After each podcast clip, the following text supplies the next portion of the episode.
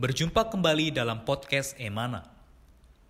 Renungan-renungan yang menguatkan iman ini diambil dari tulisan-tulisan saudara Watchmeni, seorang pelayan Tuhan yang sangat mengasihi Tuhan sampai akhir hidupnya. Semasa hidupnya, Tuhan memakai saudara Watchmeni untuk menyingkapkan banyak terang dan wahyu Alkitab. Di antaranya adalah mengenai salib, mengenai Kristus sebagai hayat, juga mengenai kesatuan tubuh Kristus. Kami berharap kehadiran podcast Renungan Emana, khususnya di masa pandemi virus hari ini, dapat menghibur dan menguatkan iman Anda.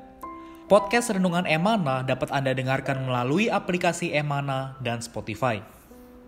Anda dapat menghubungi kami pada nomor hotline Emana di 0851 5677 2397. Sekali lagi Anda dapat menghubungi kami pada nomor hotline Emana di 0851 5677 2397.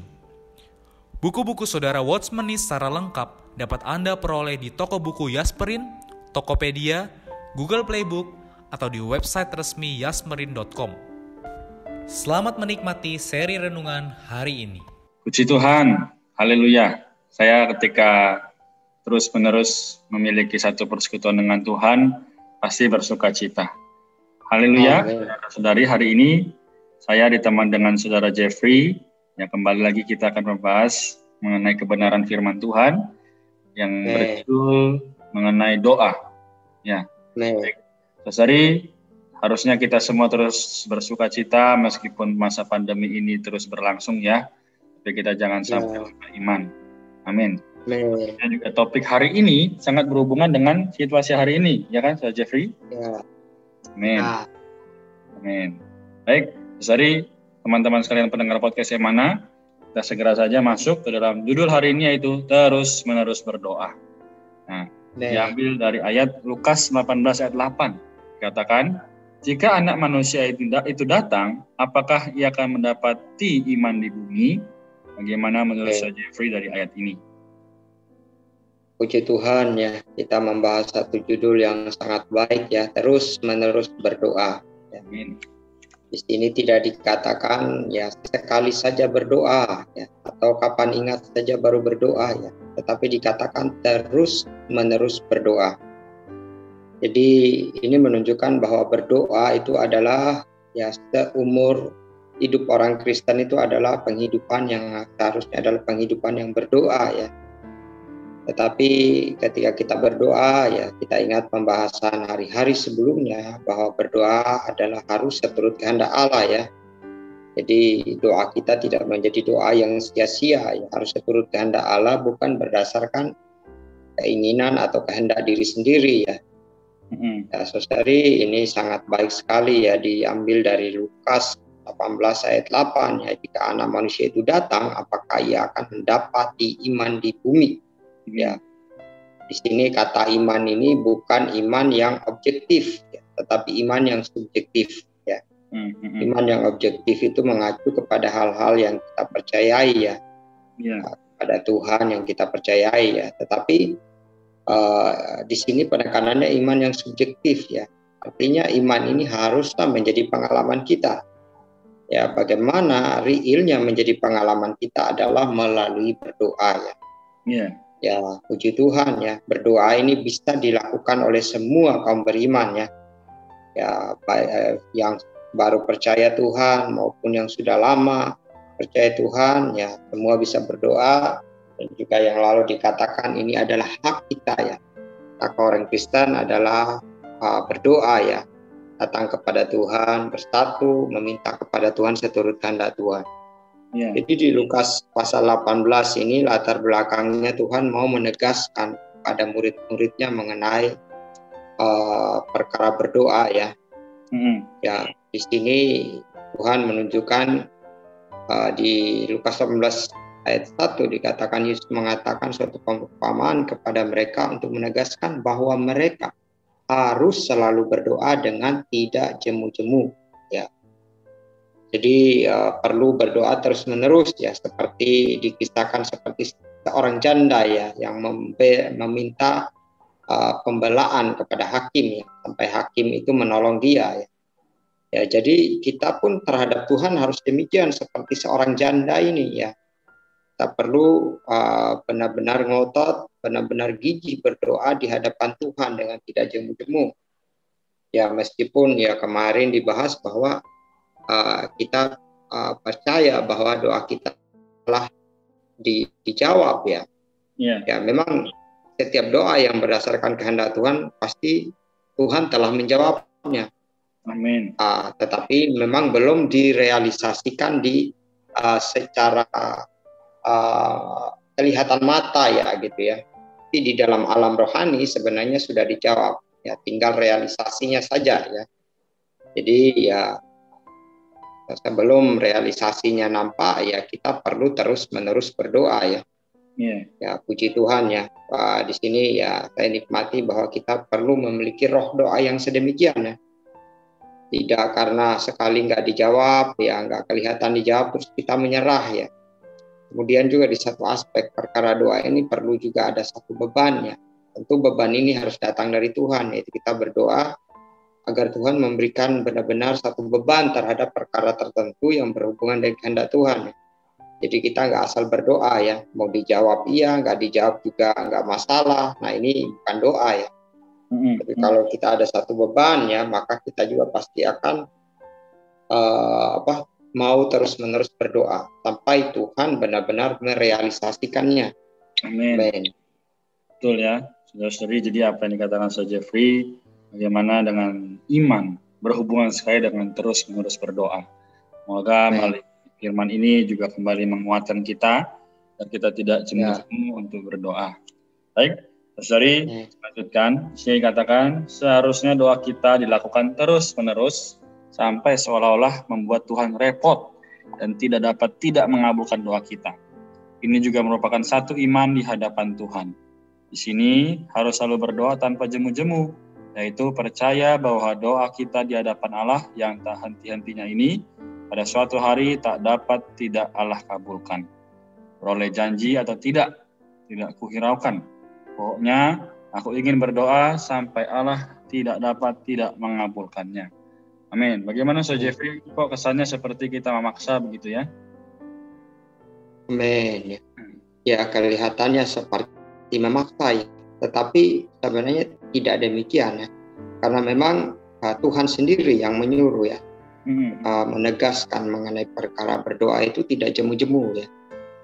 Jadi sebenarnya dalam aspek ini adalah uh, melatih ya kita bagaimana berdoa dengan ngotot di hadapan Tuhan ya seperti seperti janda itu ya yang meminta haknya dibela ya jadi di aspek sebenarnya kan aspek yang lebih dalam ya bukan pada jawaban doa ya tapi pada bagaimana kita mengalami Tuhan di dalam penghidupan doa kita ya.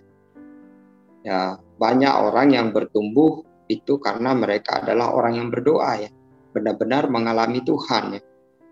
Ya Tuhan ini kan nggak kelihatan kan ya tapi melalui doalah kita benar-benar nampak bahwa Tuhan itu benar-benar nyata ya benar-benar ada dalam penghidupan kita ya.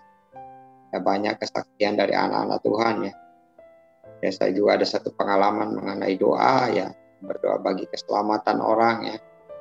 Ya sempat juga ada sejangka waktu saya menjadi seperti ah, sepertinya Tuhan tidak mendengar gitu.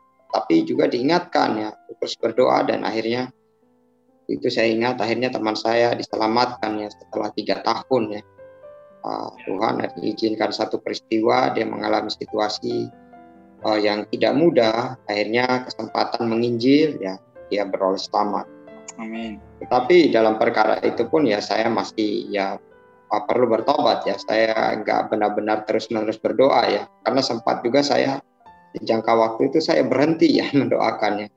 Karena saya rasa sepertinya nggak dijawab ya. Tetapi Tuhan ya, saya bersyukur Tuhan itu penuh dengan kasih karunia ya. Dia tidak ingin saya menjadi lemah ya, tapi dia mau menunjukkan meskipun saya uh, dalam hal ini menjadi jemu dalam berdoa, tapi Tuhan itu uh, masih ya, masih mau menjawab ya. Tetapi sosari ya uh, kita perlu secara positif ya, entah kelihatannya dijawab atau tidak ya kita perlu terus-menerus berdoa ngotot ya. Yes, amen. Ya, sehingga benar-benar kita punya satu pengalaman iman yang hidup. Baik. Iya. Amin. Puji Tuhan, saudara ya. Benar sekali yang dikatakan Sir Jeffrey bagaimana kita sampai akhirnya memiliki satu pengalaman iman yang hidup, yaitu Amen. satu titik mungkin kita mengalami rasanya jenuh ya untuk berdoa, ya. tapi kita harus kembali lagi mengingat bahwa apa yang telah Tuhan katakan ya pasti akan menggenapinya. Amin. Amin. Baik saudari, pendengar sekalian kita lanjutkan. Katakan di sini, jika Anda ingin memohon sesuatu, Anda boleh merepotkan Allah. Dan jika Anda benar-benar menginginkannya, Anda wajib minta terus sampai beroleh pengabulan dari Allah. Terus berdoa sampai Allah tak berdaya dan tak dapat tidak mengabulkan doa Anda. Wah, saya yeah. Jeffrey, uh, perkataan ini uh, mungkin ambigu ya, tapi apa sih yang dimaksud kita menginginkan apa pun gitu? Apakah boleh dijawab gitu? Ya, ya Tuhan ya, apa pun yang kita inginkan ya, tapi perlu digarisbawahi yang kita inginkan jangan berlawanan dengan kehendak Tuhan ya. Kadang orang berpikir apa pun yang kita inginkan ya semua boleh gitu ya, enggak hmm. juga demikian. Yeah. Yeah. Jadi kita perlu meminta harus seturut dengan kehendak Tuhan ya. Uh, jadi kalau seturut dengan kehendak Tuhan ya Ya, kita benar-benar menginginkan Tuhan pasti mengabulkan bahkan dia mau direpotkan ya. puji Tuhan ya kita punya Tuhan yang mau direpotkan ya. Banyak orang berpikir mungkin wah Tuhan ini nggak boleh direpotkan ya. Tetapi Tuhan kita adalah Tuhan yang mau direpotkan ya. Itulah dia menyuruh kita berdoa ya. Kalau dia tidak mau direpotkan dia tidak menyuruh kita berdoa ya ya banyak hal sih ya. Ya tentu bukan hanya aspek-aspek mengenai pemberitaan Injil ya tapi juga aspek ya mengenai penghidupan kita ya karena kita masih hidup di bumi situasi pandemik ini ya kita boleh bicara kepada Tuhan ya. Yeah. ya karena firman eh, Tuhan juga mengajarkan kepada murid-murid ya dia berdoa mengajarkan mengenai berdoa. Di Matius itu adalah uh, berikanlah kami makanan kami yang secukupnya hari ini kan ya artinya berkaitan dengan penghidupan hari-hari juga kita perlu meminta ya. Mungkin banyak saudari yang mendengar berita ini situasi ekonominya nggak begitu baik ya, kerjaan sulit ya, mencari nafkah sulit. Saudari ya boleh meminta ya. Nah, ini sangat sangat alkitabiah ya, saudari boleh berdoa ya. Ya karena kan meminta untuk keperluan hidup hari-hari ya. Yeah. Nah, kalau kalau hidup hari-hari nggak ada makan, nggak ada minum, ya gimana mau menikmati firman Tuhan kan ya? ya karena Tuhan juga memperhatikan tetap masih mau merawat tubuh jasmani kita ya. Ya, tapi jasmani kita yang terawat kembali lagi ingat supaya kita juga memperhatikan uh, aspek rohani ya. Di tubuh jiwa, roh, jiwa dan tubuh kita ini ya Paulus katakan ya firman Tuhan katakan bahwa semoga roh, jiwa dan tubuhmu terpelihara sempurna tak bercacat sampai kedatangan Tuhan kita ya. ya. Amin. Tuhan. Puji Tuhan, saudara-saudari sekalian, saya juga kembali dikuatkan ya bagaimana dari apa bicaraan firman ini juga kembali meneguhkan saya terutama bagaimana dalam perkara berdoa. Puji Tuhan, saudari kita sampai di sini. Makasih saudara Jeffrey atas uh, bagian firmannya juga sharingnya. Semoga saudara benar juga mengalami apa yang kita bicarakan, yaitu mengalami pengabulan doa karena kita terus menerus berdoa. Amin. Jeffrey, bisakah mendoakan kami semua para pendengar di Indonesia ini? Amin. Baik. Kita satu dalam doa. Tuhan terima kasih kami mengucap syukur kepadamu Engkau Allah yang mau direpotkan.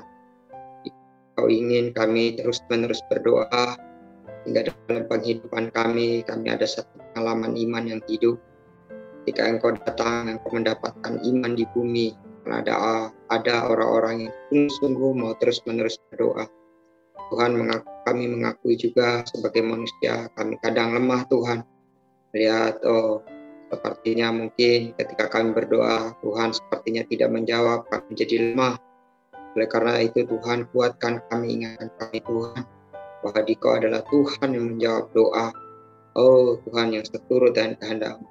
Berkatilah semua pendengar, hati mereka Tuhan, tidak hanya aspek rohani, tapi juga aspek jiwa, jasmani mereka juga Tuhan Engkau juga pelihara. Melalui situasi pandemik yang tidak mudah ini, biarlah mereka juga boleh mengalami tangan pemeliharaan Allah yang hidup.